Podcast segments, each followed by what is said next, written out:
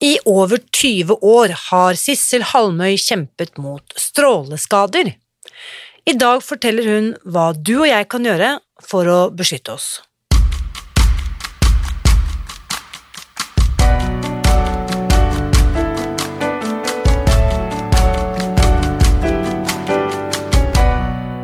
Mitt navn er Irina Lie. Jeg er journalist og forlegger, gründer og sosial entreprenør. I 2015 spiste jeg meg fri fra overvekt og fedme etter å ha slitt med vekt, kropp og følelser i nesten 30 år. Etter at jeg knakk koden, ga jeg meg selv et nytt oppdrag – å dele denne kunnskapen med alle som trenger det. I denne podkasten kan du derfor høre hele lydboken Spis deg fri. Den finner du ved å bla deg tilbake i arkivet og lytte til første sesong.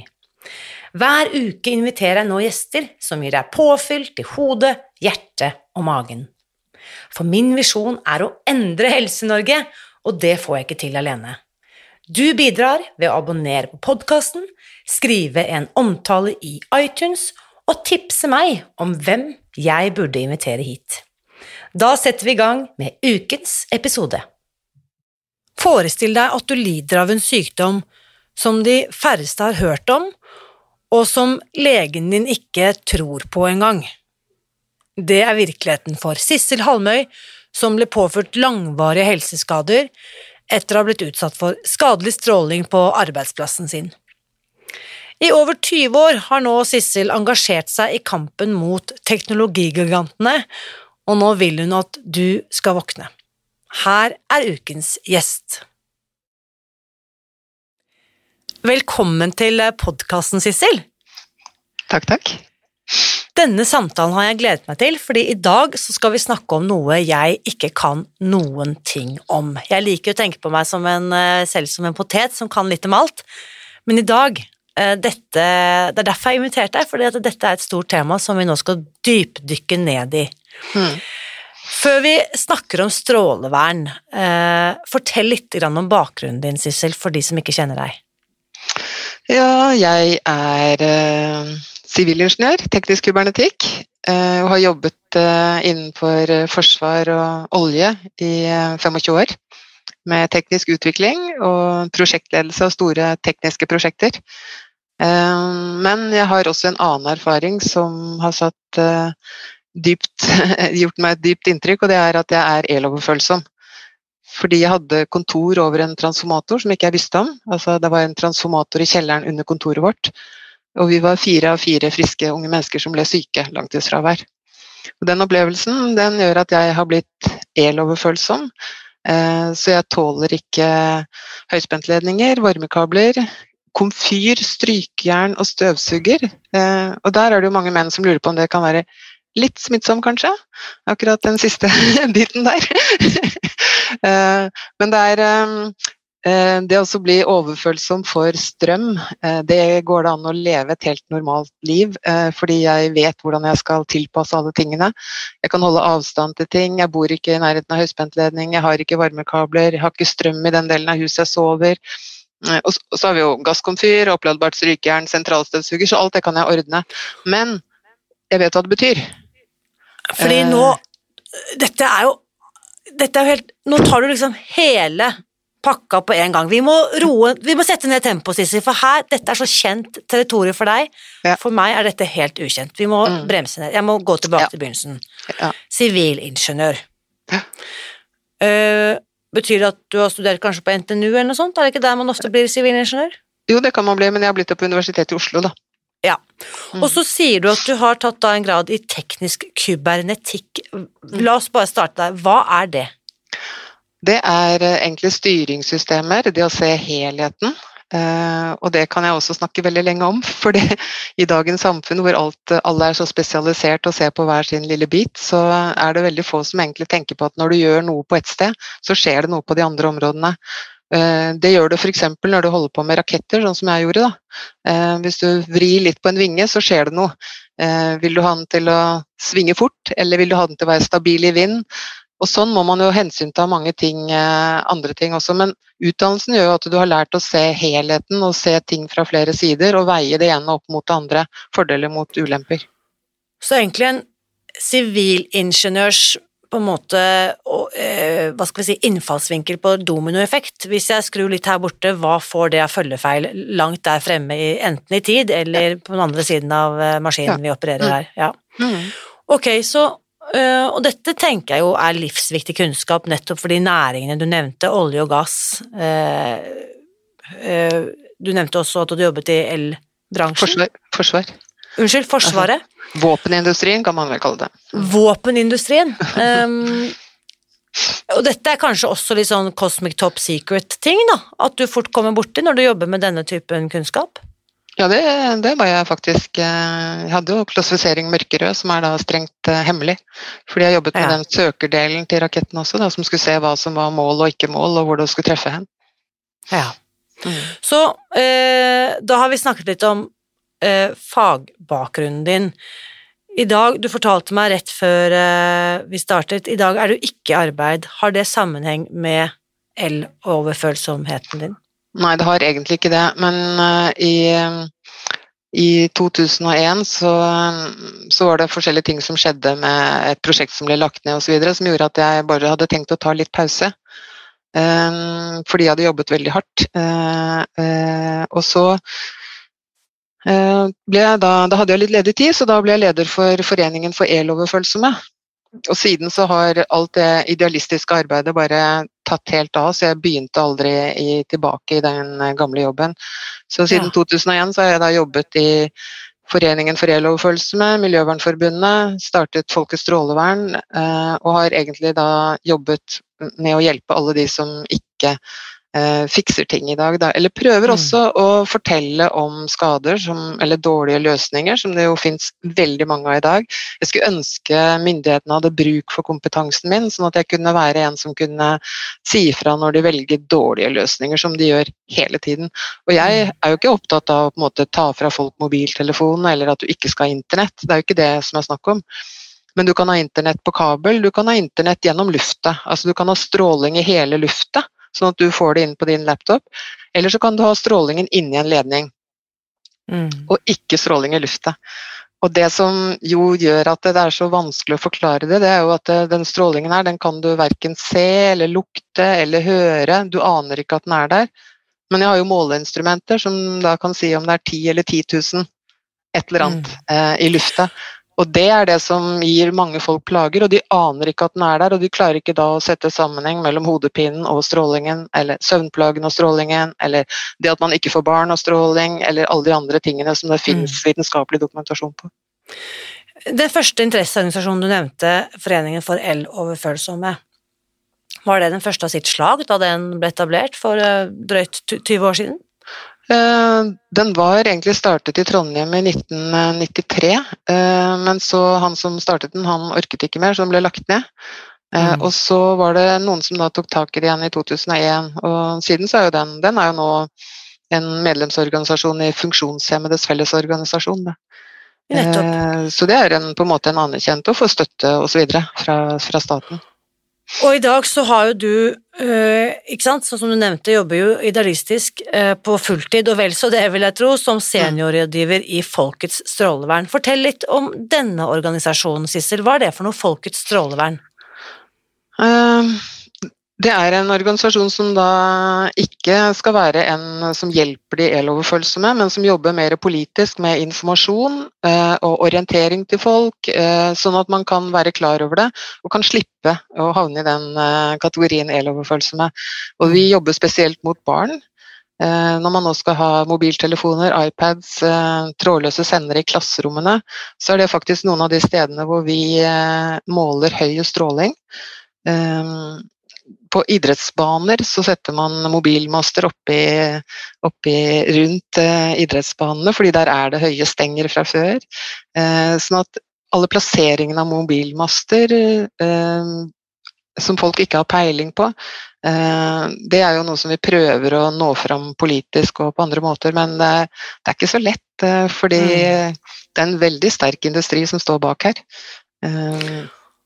Eh, Mobilindustrien er visst fire ganger så stor som legemiddelindustrien, som sier, så det, kan tenke, det er nok penger til å kjøpe forskning, til å gjøre alt det Mm. man vil for å, for å komme fram med løsningene. I Spis deg fri-podkasten så snakker vi her ofte om helsen vår i forhold til mat Mm. eller drikke eller næringsmidler vi tar inn oss. Og her Mm. tenker jeg jo, her, selv om noen kanskje føler seg maktesløse i møte med enkelte matvarer som kan være avhengighetsskapende, da, så Mm. tenker jeg i hvert fall at vi har på et eller annet nivå et slags valg. Jeg Mm. kan velge om jeg vil putte ditt eller datt i munnen.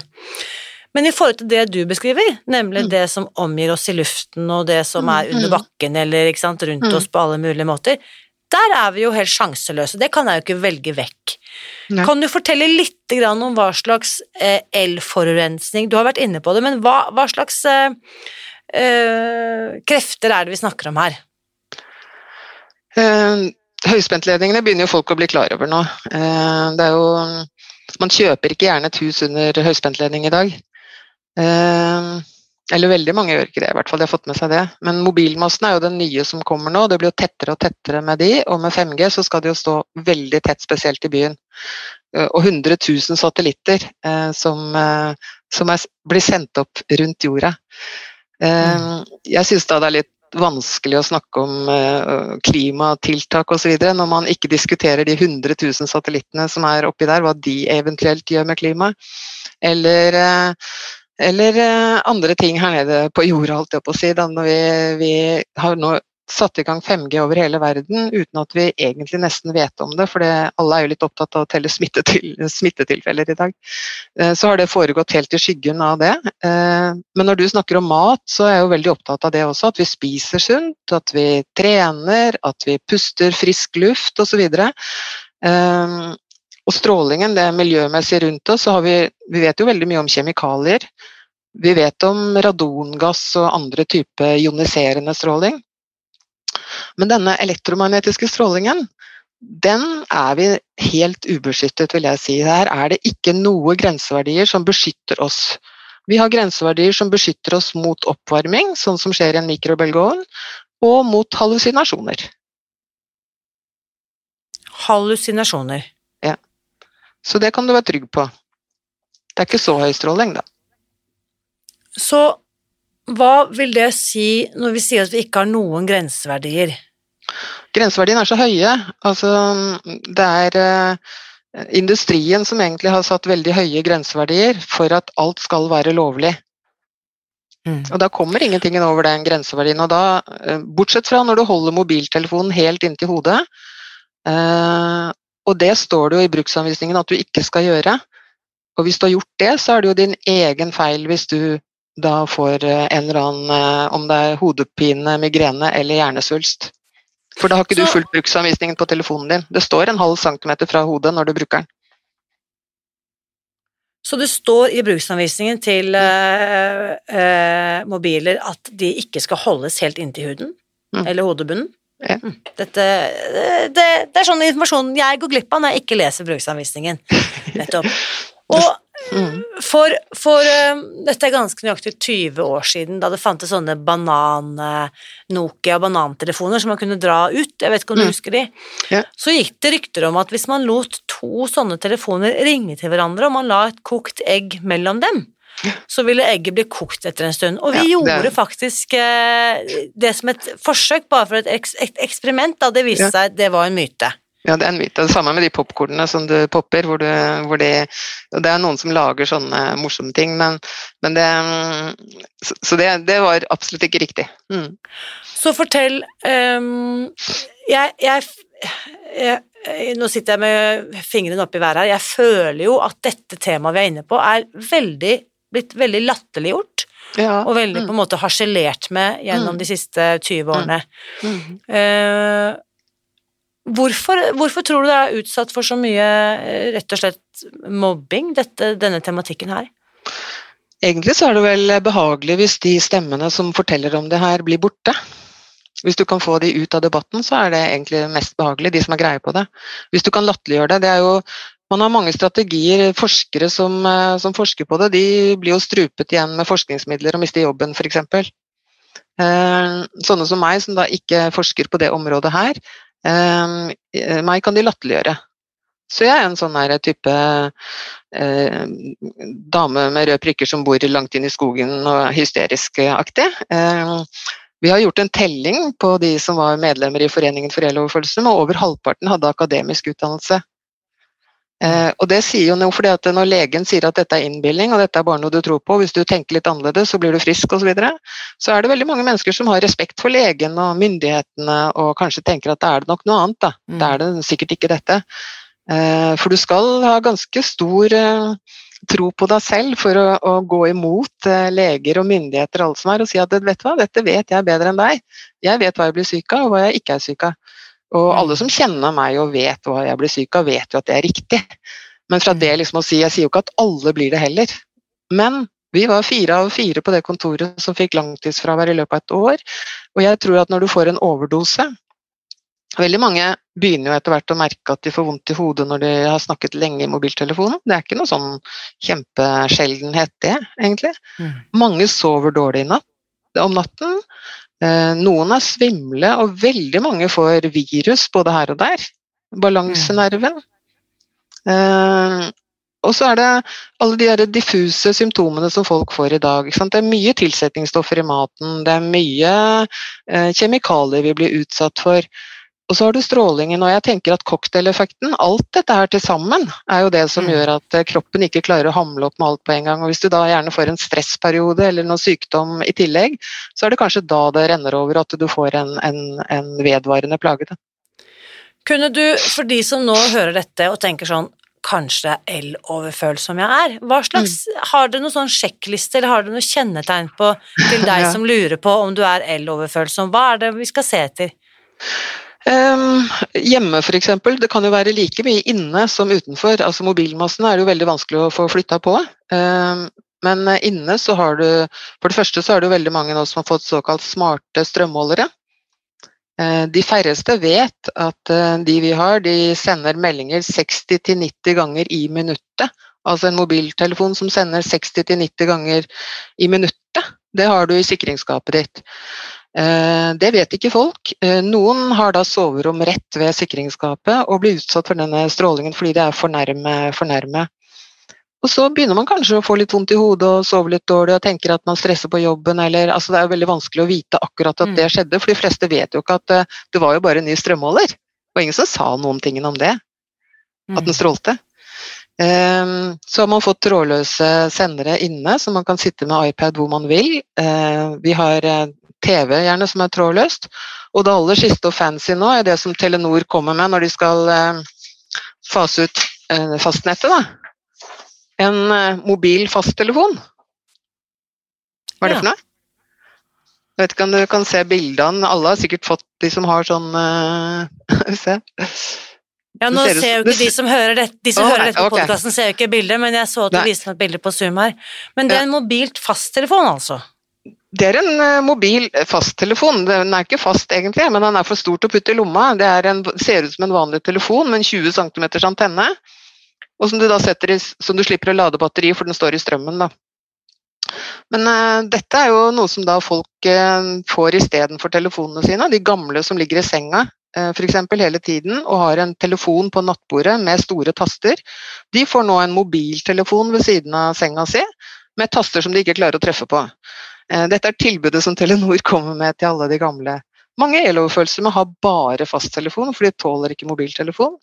Eh, kobberlinjen er det eneste kontakten de har med omverdenen. Noen bor faktisk langt fra folk fordi de er blitt så syke. Eh, og så tar man bort den siste livsnerven som de har ut til, til folk. Da. Men bare at Telenor holder på sånn jeg, Nå har jeg forsket på akkurat det i dag, fordi de tilbyr deg ny telefon og nytt nummer.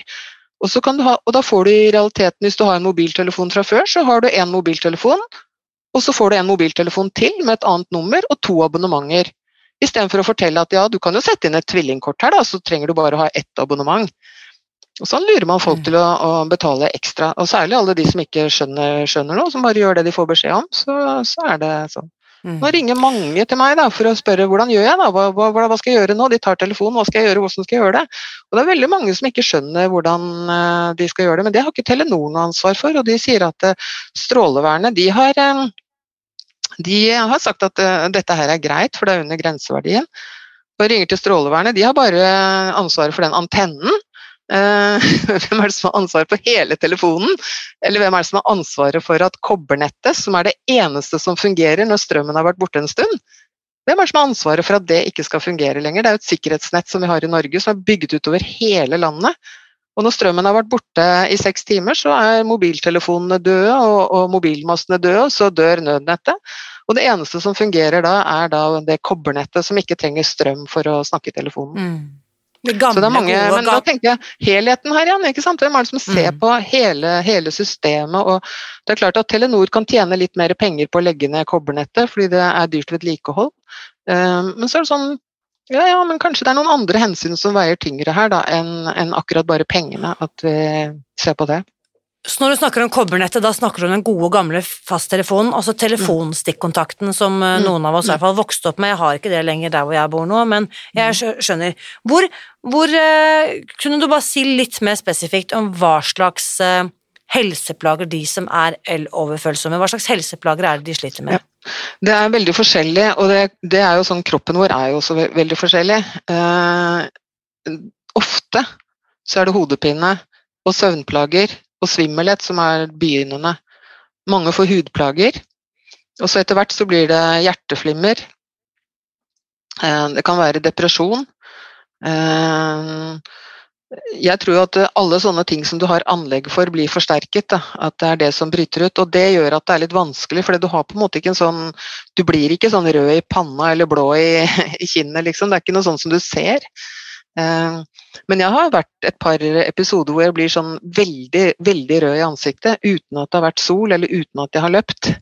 Eh, mm. Hvor det da har vært et eller annet som ikke jeg har visst. Og det har gjort inntrykk på folk når de ser. De ser faktisk mm. at du, du, klarer liksom ikke å bli mørkerød i ansiktet sånn på, for moro skyld. Så de plagene du beskriver her er jo også veldig sammenfallende, du var litt inne på det i stad. Det er jo veldig mm. sammenfallende med f.eks. stressymptomer.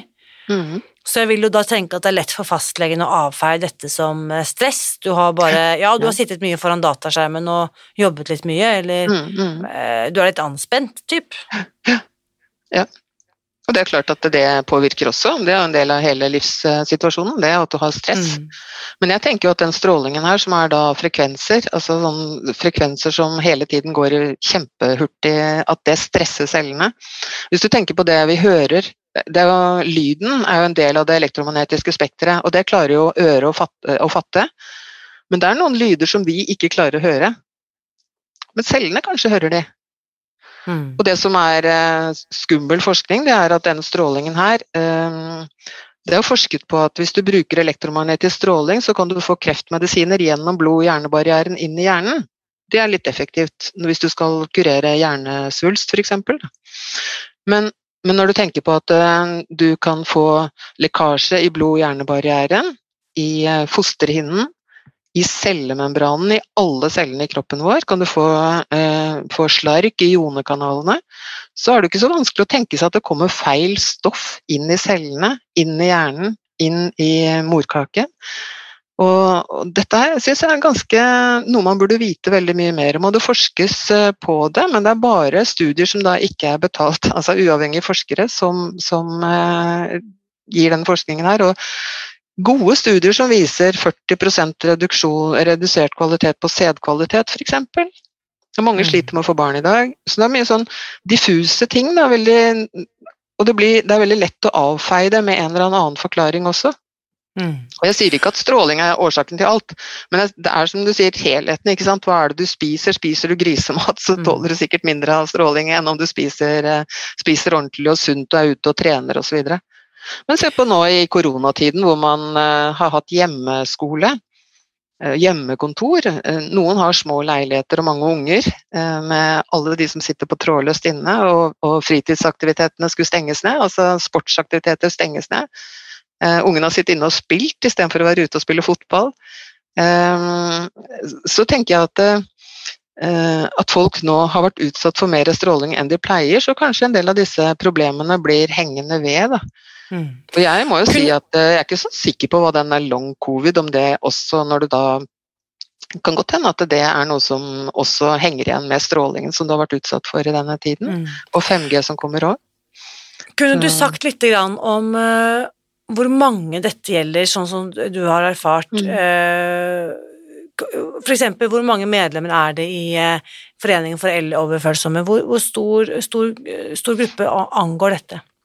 Altså, I Sverige og i Tyskland så har de gjort uh, offisielle tellinger. Uh, og der er det 3% som er alvorlig plaget av det, uh, opptil 11% som er litt plaget av det. Så det er ganske ja. mange mennesker. og jeg tror Hvis du mm. tenker etter, så kjenner du sikkert noen som har problemer med fordi mm. altså når jeg ble syk for 35 år siden, så var det jo ingen som visste noen ting. Og ingen som hadde hørt om noen ting. Jeg følte jeg var helt alene i verden. Og før internett òg, ikke sant. Jeg måtte på biblioteket for å slå opp noe. Men, eh, men, nå når jeg snakker om det, til nesten dem jeg snakker med, så kjenner de en eller har hørt om en eller vet om mm. noen. Så du får liksom alltid en sånn eh, respons tilbake da, om at dette er det noe i, for jeg har, har liksom hørt om det. Mm. Men uh, det står ikke så veldig mye om det i aviser og, og sånt, men det er, det er, ikke så lett å komme til med artikler heller, for det, det blir latterliggjort, som du sier. Og, eh, og det er sånn der flatjord eh, eh, Jeg vet ikke om man sauser sammen alt mulig rart, liksom, da, og, og mm. får det ut som noe sånn useriøst. Men det er jo det er hersketeknikker det er snakk om, da.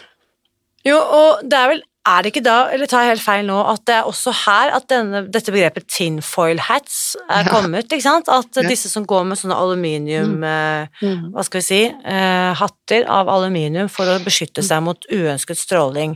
Mm. Eh, som også da er en sånn uh, latterliggjøring at ja, du er vel altså, sånn det er, som går det med sånn, Det er det mest dustordet som er nå, ikke sant. Det er jo sånn mm. tinfoil hat og flat earth og det, alt blir satt i en sammenheng der. Men det, det, det kommer fra en demonstrasjon i Spania Spania, hvor det var eloverfølsomme som eh, demonstrerte. og Så hadde de laget hatter med antenner på, så de hadde formet denne aluminiumsfolien, sånne morsomme hatter, for å få oppmerksomhet. Da. Eh, men, det, men, å hetse eloverfølsomme, det er helt greit. Eller krenke heter det vel nå, du skal jo ikke krenke noen. Eh, men, uh, men, men, å krenke eloverfølelsene med Og jeg tror de fleste ikke aner hvor tinfoil hat kommer fra, det er bare et begrep de har lært. Men det er jo faktisk en hetsing og krenking av de som er eloverfølsomme. Mm. Og det er liksom helt det, er helt det er blitt liksom et sånt vanlig ord nå. Da. Jeg bryr meg ikke noe om det, altså, men jeg bare tenker at i forhold til alle de andre du ikke skal krenke nå for tida, så, så, så syns jeg det, det, her er helt greit, liksom. Dette er klassisk mobbing, det må vi bare kunne slå fast. Og mm. um, da lurer jeg på, hva er behandlingen. Du har jo fortalt litt om at mange flytter mm. så langt unna hva skal vi si, befolkningen eller sivilisasjonen, slik at de ikke utsettes for uønsket stråling, men mm. finnes det noe behandling? Nei, eh, jeg har prøvd alt, fordi, og derfor så kan jeg veldig mye om helse også. Fordi jeg har jo prøvd alle tingene egentlig for å bli kvitt det, eller for å skjønne hva som skjer i kroppen min, for det er jeg jo selvfølgelig interessert i. Men øh, øh, det som hjelper, det er å ikke ha stråling. Og du kan male vegger med karbonmaling, du kan ha filter på vinduene, det finnes stoff som skjermer. Så du kan gjøre visse ting inne. Men det jeg også anbefaler, det er jo å redusere trådløst inne og kable internett istedenfor å ha det trådløst. Eh, så har man jo gjort eh, et veldig stort og viktig arbeid, særlig for ungene. Så det går an å måle, og det fins jo måleinstrumenter. Og man kan bestille måling. Da har vi også laget noe som heter virtuell måling, som gjør at du kan Eh, låne et måleapparat og gjøre målinger eh, hvor du bor i landet, da, men få opplæring og tolking av resultatene. fordi det er ikke så lett å vite hva du måler, om det er det farlig eller ikke farlig, hva skal jeg gjøre, hvordan kan jeg gjøre noe med det. Så det fins løsninger eh, inne. Men har du en mobilmast ute, så er det vanskelig hvis det er en sånn kjempekanon egentlig, som står og sender ting ute, så er det litt vanskelig å få det bra nok. Da. Mm. Jeg eh, så det reduserer strålingen, men jeg har bare lyst til å si, fordi at det, det, nå er det jo en sånn samarbeidsutvalg som har hatt ni møter da, med alle mulige om, om eloverfølsomhet, hvordan de skal behandle disse eloverfølelsene, og de har kommet til at det skal være kognitiv atferdsterapi. Så jeg f.eks. skal sitte litt lenger under en høyspent hver dag til jeg ikke blir så redd for den. Og da skal jeg bli frisk av det. Eh, og enda på de ni møtene så har de ikke hatt noe behov for å ha noen eloverfølelse inne, da. Det er jo helt fascinerende. Ja, men er, altså Folk tror ikke hvor, hvor ille det er. Det, det, det, er egentlig mange som ikke aner at det foregår, og hvor ille det er. Eh, hvilken behandling du får. Eh, så det er jo ikke noen rettigheter til noe tilpasning eller noen ting. Altså Jeg har jo tilpasset en del arbeidsplasser til folk som er litt høyt oppe i systemene. Eh, både i Nav og i Statoil og i Forsvarsbygg osv. Men det er jo sjefer som de gjerne vil ha fortsatt ansatt der. Da kan man skjerme arbeidsplasser. Men når det gjelder liksom alle disse her eh, i de vanlige yrkene som er, eh, du kan få noen nye inn, så er det bare plunder og heft å ha de. Og da blir du på en måte kjørt ut av arbeidslivet da, istedenfor å få en tilpasset arbeidsplass. Så hvordan kan du tilpasse arbeidsplassen, da? For når du har sånne mobile kontorer for eksempel, nå, eller sånn at du skal flytte deg hele tiden, det går an å ha et rom som, eh, hvor du har kablet internett og kablet telefon, så kan mm. du fortsette å jobbe. Da. Og jeg, jeg, har jo fått uh, Altså jeg har jo fått hjelp av mine arbeidsgivere. Jeg jobbet jo tross alt i, i 25 år eh, i de yrkene også, hvor jeg da fikk tilpasset arbeidsplassen for at jeg skulle tåle å jobbe. Og har jo jobbet da som sagt prosjektleder på store tekniske utviklingsprosjekter. Så det går an. Men, men uh, for meg som ikke tåler strøm, da, så er det Jeg tåler jo mobiltelefonen like dårlig som alle andre, sier jeg, men det betyr jo at jeg kan være i byen, jeg kan gå på, uh, kan gå på møter, jeg kan være med på foredrag og konserter og alt mulig rart. Men de som ikke tåler mobilstråling, uh, som er kjempehøy stråling i Oslo sentrum nå, så er det folk som må flytte langt, eh, langt ut i skogen da, for seg selv. Det, det, vi må bare snakke litt om dette med den 5G-strålingen, fordi dette er ting jeg heller ikke har satt meg inn i, så her er jeg langt ute på viddene uh, kunnskapsmessig, men jeg har skjønt da uh, det finnes måleapparater som, du, som hvem som helst kan få kjøpt, der man kan ja, ja. måle 5G-strålingen.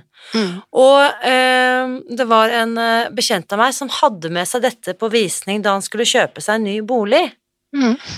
Og da tok han den med seg, og så så han at enkelte områder, la meg si på Oslos vestkant, jeg trenger ikke nevne akkurat spesifikt hvor dette var, men da tenkte han at dette er populære områder å bo, også for barnefamilier. Der var det skyhøye mm. uh, utslag på 5G-stråling. Ja. Uh, og så hørte jeg um, at Oslo S, Jernbanetorget, er et av de punktene i dette landet som var tett tettest, eh, høyest konsentrasjon, da, jeg vet ikke hvordan vi skal omtale dette, men mm. går det an å si det? Høyest konsentrasjon av 5G-stråling? Mm, mm, ja, det går helt fint å si. Og, og, du nevnte strålevern, da snakker du om statens strålevern i stad. Hva, hva, er det de sier om dette? Hvor, hvorpå har de dette på agendaen? Nei, De bruker de grenseverdiene som eh, er skyhøye, da, som beskytter deg mot oppvarming og hallusinasjoner. Eh, og de sier også at eh, ja, hodepine Det beskytter ikke mot hodepine, men hodepine er en plage, det er ikke en skade. Søvnplager er en plage, men de har bare grenseverdier som beskytter deg mot skade. Og det at proteinene blir varmet opp altså Hvis du putter en, et kjøttstykke inn i mik mikrobølgeovnen og lar det ligge litt, og så blir det ikke rått når du tar det ut igjen, liksom. Eh, sånn type oppvarming, eh, det har vi beskyttet for. Det er ikke så høy stråling. Eh, og hallusinasjoner. Men ikke søvnplager og hodepine og sånn. Det, det, det, er ikke noen helsegrenser for det i Norge i det hele tatt. Vi har de høyeste grensene i verden. Utrolig. Mm. Men også en sterk industri, da. Telenor ja, og jeg har jo ja, og jeg har jo vært borte i noen av de største industriene og skjønt at jeg har terget på meg både ja, den ene og den andre, og det er jo ikke noe tull, dette her. Dette er mektige krefter, det kan vi ikke undervurdere. Hvor sterke krefter vi snakker om i forhold til ikke sant? Du er jo mm. inne her på alle disse elgigantene, hvis vi kan kalle det det. Legemiddelindustrien har vi så vidt nevnt, matvareindustrien, mm. Eh, tobakksindustrien. De står jo ikke tilbake for våpenindustrien, som vi også så vidt touchet innom. Dette er mm. mektige krefter, og de besitter mm. mektige våpen. Mm. mm. Og Det er litt synd at ikke politikerne våre eh, altså Det virker som de er helt uh, lamma eh, og veldig i lomma på industrien i mange, i mange, på mange områder. Så jeg ser jo at eh, det er ikke bare mobilindustrien som har eh, balletak på politikerne. Det er, mm. og, og, det tenker jeg det Altså, vi folk i Norge vi burde jo egentlig være mer opptatt av en del sånne ting enn bare penger og inntjening og hva som på en måte du kan telle i kroner og øre. Da. Fordi mm altså at Fagforeningene også, de diskuterer masse lønn og krangler om lønn osv., men arbeidsplassene og sunnheten på arbeidsplassen burde også være et viktig tema i fagforeningene. Så mm. I sin tid så var det faktisk svenske fagforeningen som fikk til at man hadde en grense på de gamle dataskjermene som folk ble veldig syke av eh, før flatskjermene. Da. da var det den svenske fagorganisasjonen som het TCO, som, som laget da laget, eh, nei, de laget det som heter TCO-regler, som er hvor mye stråling du kunne ha fra de kassene. Og det var en vesentlig forbedring, da, eh, til, eh, sånn at færre mm. fikk plager. Men nå er det på en måte Fagforeningene snakker om lønn hele tiden, har jeg inntrykk av. Det er sånn penger, penger, penger overalt. Da. Eh, og Telenor holder på nede i Myanmar og alle andre steder og skal ha store aksjeselskaper og sånn, istedenfor å være noen som sørget for at vi hadde kommunikasjon i Norge som en, en, infrastruktur i Norge, en god infrastruktur i Norge. Jeg kunne heller fokusere på det. Men det liksom, altså, alt skal bli så stort og globalt og tjene penger alle andre steder enn, enn å levere gode tjenester mm. til, til uh, landets befolkning. Da. Så hvis jeg som hører dette nå tenker at shit, jeg lurer på om det er dette jeg kan ha vært plaget av, spesielt gjennom de siste to årene har jeg på en måte blitt nå skjønt at dette sliter jeg med, da vil Foreningen for eloverfølsomme være et fint sted hvor jeg kan starte og ta kontakt der, er det sånn å forstå? Mm. Det kan jeg gjøre, og de har en kontakttelefon som er betjent to timer i uka eh, på fredager. Ja, og um, hvis jeg ønsker å engasjere meg litt mer sånn, sånn som du gjør, da, i forhold mm. til mm. de store, på en måte mektige kreftene her, da vil Folkets strålevern Er det en interesseorganisasjon? Er det en ideell stiftelse? Det er en medlems medlemsorganisasjon, så det er, det er, jo veldig mange Men det er jo veldig mange som er medlemmer i begge de to organisasjonene, for det, det, er jo først når du blir rammet av det selv, at du orker å bry deg med det. Det er jo så mye man skal bry seg med i dag, liksom, så hvorfor skal du bry deg med den mm. strålingen? Som, som ikke du helt Altså, du, du, det er først når du blir sjuk at du blir veldig opptatt av det. Og da blir det jo noe som eh, på en måte rammer hele livet ditt. Da. Familien din blir påvirket. altså Det blir ganske dramatisk for mange. Mm. Og, og, jeg har jo eh, telefoner daglig egentlig fra folk som, eh, som da av forskjellige Om det nå er fasttelefonen som skal ut, eller hva det er. Men også en del mennesker som ikke syns det er noe vits å leve lenger. For hvordan skal de, hvis de skal være så syke som dette resten av livet, så er det ikke noe vits i. Hvis du skal gå rundt og mm. være kjempekvalm og svimmel og, og vondt i hodet hele tiden, så orker du ikke det veldig lenge. Og da, da, er det viktig for meg å si at hvis du holder deg unna en stund, hvis du holder deg unna en stund, så blir du bedre. Du kan bli mye ja. bedre. Og hvis du holder deg godt nok unna, så kan du leve et, et eh, bra liv.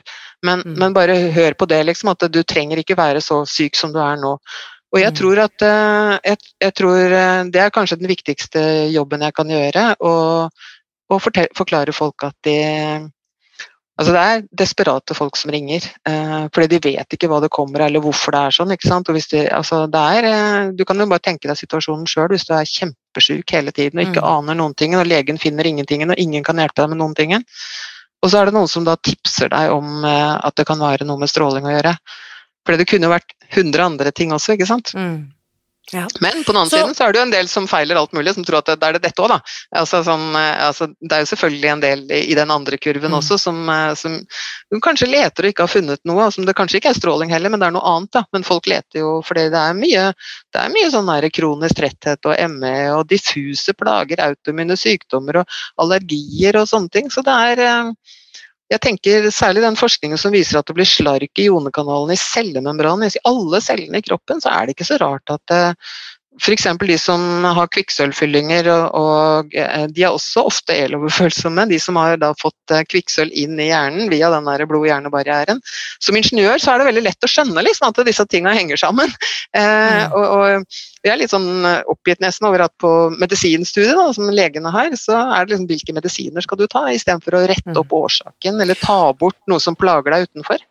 Og det er akkurat her jeg tenker at uh det du forteller, gjør også i hvert fall meg bevisst, og jeg har jo øh, barn som øh, er i tenårene og bor hjemme.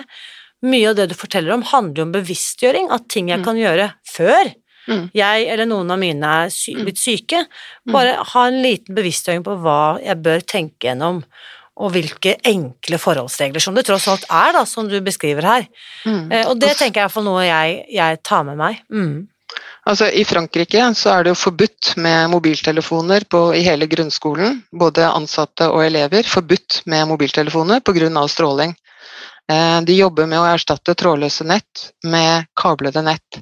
Kablede nett er det mange andre land som begynner med også, for å beskytte barna. For de barna som er i vekst, i utvikling, eh, de er mer sårbare enn oss voksne. Og når vi da har 30 mobiltelefoner og 30 iPader eller PC-er og en trådløs ruter i klasserommet, så er det noen av de stedene hvor vi måler høyest stråling. Og det er jo noe som vi har mest fokus på i Folkets strålevern. Det er egentlig for hele den oppvoksende generasjon som vokser opp i dette strålemiljøet. Eh, og hva det egentlig gjør med dem. Altså hvis du ser på brukes det er ti ganger så mange som får Ritalin i Norge i forhold til i Frankrike av skolebarn. Uh, og uh, hvis, du sitter, hvis, du har liksom litt sånne lopper i blodet, som uh, barn ofte har i den alderen, og du har strålingen i tillegg, så tenker jeg at det renner over for flere barn. Mm. I Frankrike, når du ikke har den strålingen, så er det da altså en, en tiendedel som får Ritalin og ADHD-diagnose i forhold til Norge. Mm. Bare ett eksempel. Sissel, her er det et enormt fagfelt. Vi nærmer oss slutten, så mm. hvis jeg kan be deg bare gi ett enkelt tips til den som nå hører dette, hva skulle mm. det vært? Hva er det viktigste tipset du vil gi? Eh, snakk på høyttaler på mobiltelefonen din. Eh, ikke ha den inntil hodet. Eh, ikke ha den inne på soverommet. Hvis du absolutt må bruke den som vekkerklokke, så kan du skru av den på flymodus, eh, fordi vekkerklokka virker allikevel. Du kan skru av telefonen når vekkerklokka virker. Men jeg anbefaler ikke å ha den på soverommet i det hele tatt. Fordi når du sover, så skal kroppen reparere seg og gjøre klar alle tingene. sånn at eh, det ville jeg ikke gjort. Hvis du har smartmåler eh, i nærheten av eh, soveplassen din, så vil jeg absolutt anbefale å få ut den senderen, for det kan man gjøre. Og da må man lese av måleren sånn som man gjorde før. Det går helt fint an å gjøre. Så vil jeg anbefale folk å ha kablet nett inne i huset istedenfor trådløst. Ja, det er noen ledninger, og det er ikke så farlig å ha noen ledninger hvis, kan, hvis det kan gi, gi, deg en bedre helse. Fantastisk. Det ble tre, ikke ett, men tre kjempeviktige og faktisk gjennomførbare tips, så jeg vil bare si tusen, tusen takk, eh, Sissel, for den viktige jobben du gjør. Ja, bare hyggelig. Nå lurer jeg på, hva tenker du etter å ha hørt eh, min samtale med Sissel i dag? Meningsutvekslingene etter ukens episode fortsetter som vanlig i Facebook-gruppen Spis deg fri, så bli med der du også og delta i samtalen. Og så finnes det jo mange gode råd for hva vi kan gjøre for å ta vare på oss selv og vår egen helse. Og mitt mål med denne podkasten, det er å gi deg noen enkle og gjennomførbare tips til hva du kan gjøre for å få det bra. For det er jo det det handler om til syvende og sist at vi ønsker å ha det bra og til å få det bedre. Så hvis du nå er motivert til å spise deg fri, enten du sliter med overvekt, søtsug, smerter eller andre helseplager, så kan du akkurat nå laste ned vårt gratis hefte med oppskrifter ved å gå til spisdegfri.no smakebiter. Her finner du enkle oppskrifter til frokost, lunsj og middag for kvinner som ønsker å gå ned i vekt. Og disse oppskriftene er helt gratis, og så er det også viktig å, å, å, si at disse ingrediensene vi bruker, det er helt vanlige råvarer, noe som du kan få kjøpt i alle landets eh, dagligvareforretninger. Så her trenger du altså ikke noe piller eller pulver eller spesialprodukter for å komme i gang. Det eneste du trenger å gjøre, det er å gå til nettsiden vår på spisdegfri.no smakebiter, og så kan du laste ned disse oppskriftene. Helt gratis. Husk også at uansett hvordan du velger å ta vare på deg selv, så vit at jeg heier på deg. Alltid.